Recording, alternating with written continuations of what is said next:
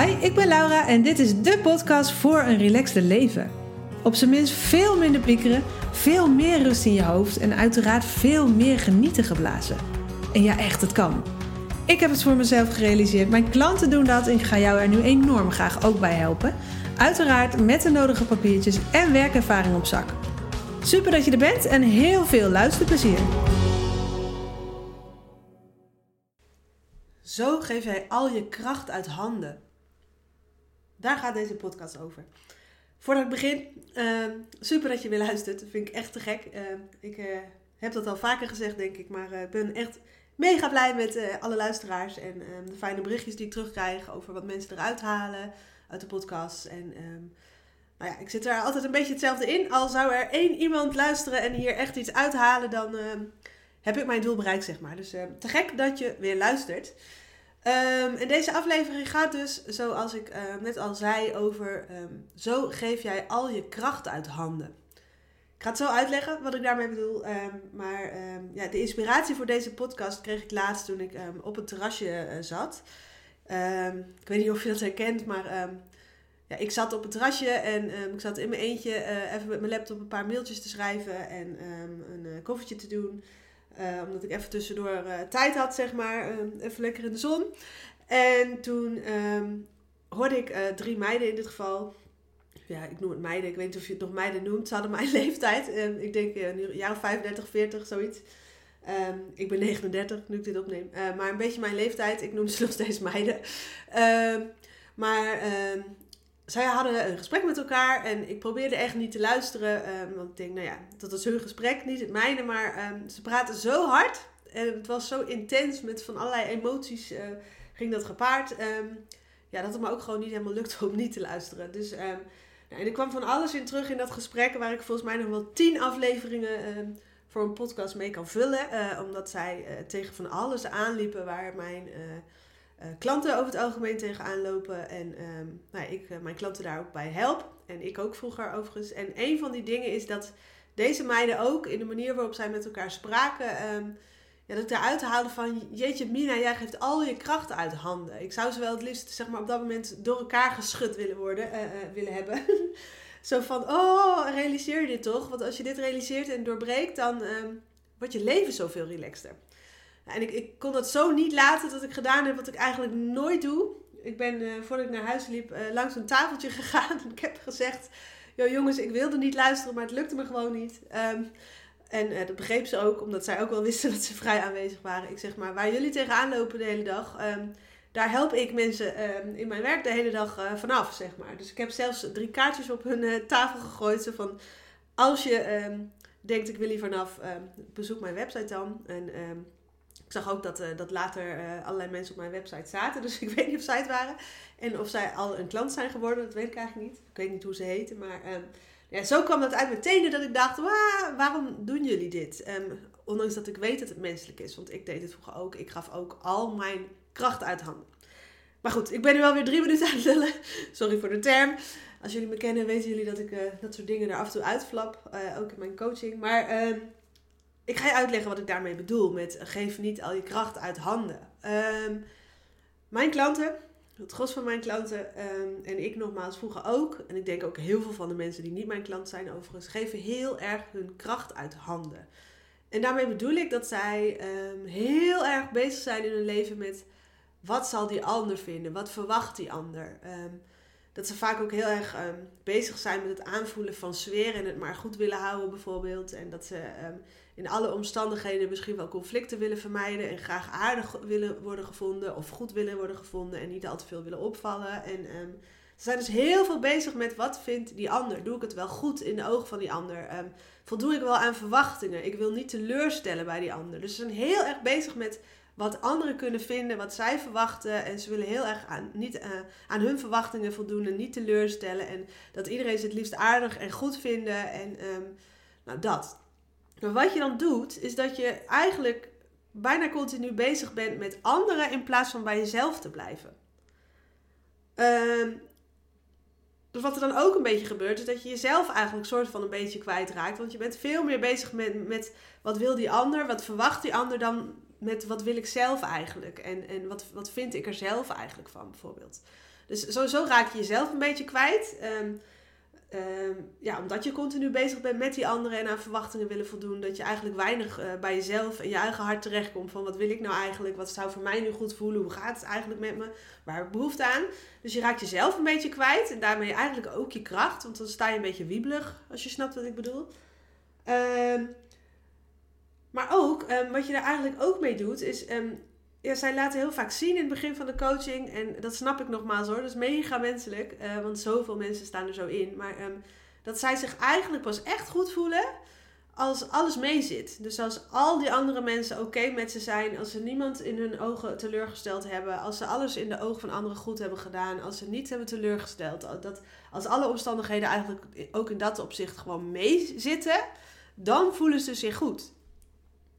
Maar dat maakt je natuurlijk ook mega wiebelig. Want dan ben je totaal afhankelijk van al die anderen en al hun meningen die ze eventueel zouden kunnen hebben. En al die omstandigheden die je op je pad kunnen geven. En daarmee, uh, komen, daarmee geef je echt je kracht uit handen. Want dan ben je dus continu in de afwachting van: oh, als het maar goed is in de ogen van anderen, dan kan ik me goed voelen. Of oh, als die omstandigheden maar goed zijn, als alles maar mee zit, dan kan ik me goed voelen. En ehm, ja, soms kan je dan wachten tot in Sint Juttemus. Want het is gewoon niet zo dat altijd alles mee zit. In ieder geval lang niet altijd. Dus dan ben je echt een soort van speelbal van meningen van anderen, van omstandigheden die zich voordoen. Ehm, en dan moet je dus maar afwachten of jij je oké voelt en goed voelt en oké bent met jezelf.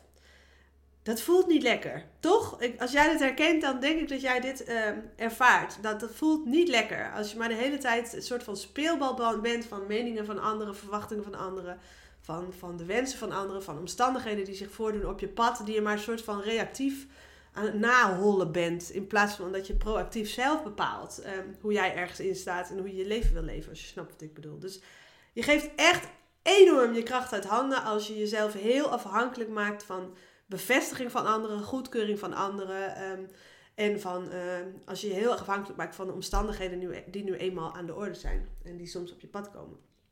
Ondanks dat het menselijk is, hè, dat je je daardoor laat beïnvloeden. Dat snap ik echt. Maar ik probeer mijn punt te maken dat als je heel veel bezig bent met wat vindt die ander, voldoe ik wel aan verwachtingen, stel ik niemand teleur, um, wat, wat, hoe gaat het met die ander, hoe, hoe zit de sfeer, wat kan ik doen zodat het goed blijft gaan.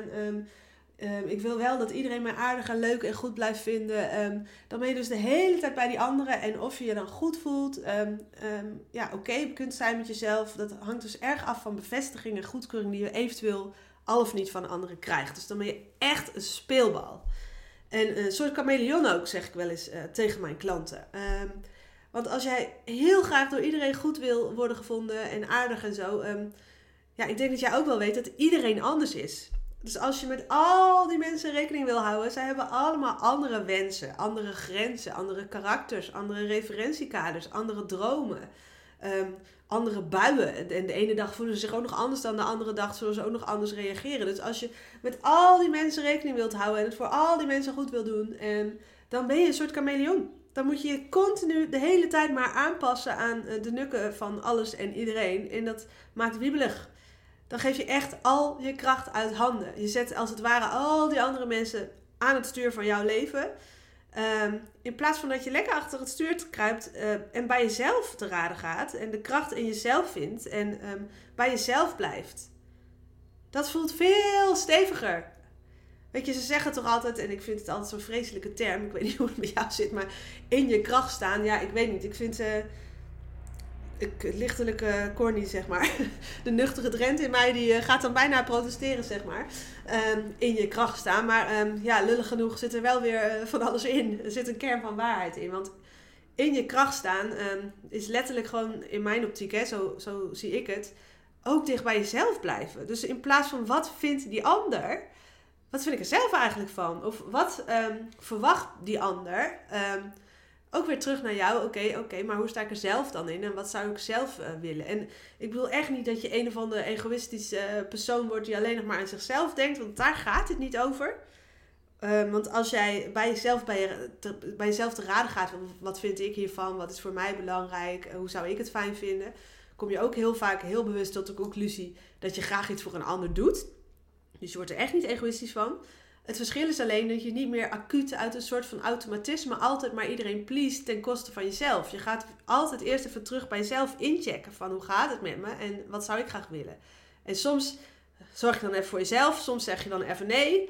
Ehm, en soms kom je tot de conclusie, ja, dat doe ik graag even voor die ander. Dus je wordt er echt niet egoïstisch van. Ehm, je gaat alleen steviger staan in het leven. Dus alsjeblieft, gun jezelf dat. Ehm, geef niet al je kracht uit handen door je hele leven maar te leven naar wat gaat die ander vinden, wat verwacht hij. En ik wil niet teleurstellen en maar met iedereen en al die winden meegaan omdat je zo aardig en leuk en goed gevonden wilt worden. Want dan geef je al je kracht uit handen.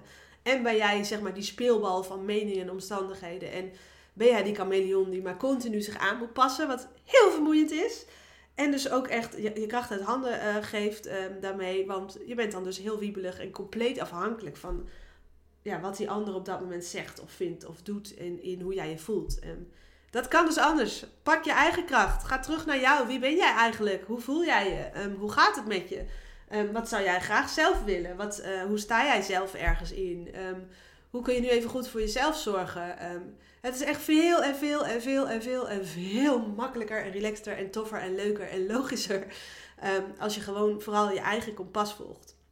Dus uh, echt bij jezelf te raden gaat. En um, vanuit daar jouw leven leeft. En dat is zoveel relaxter.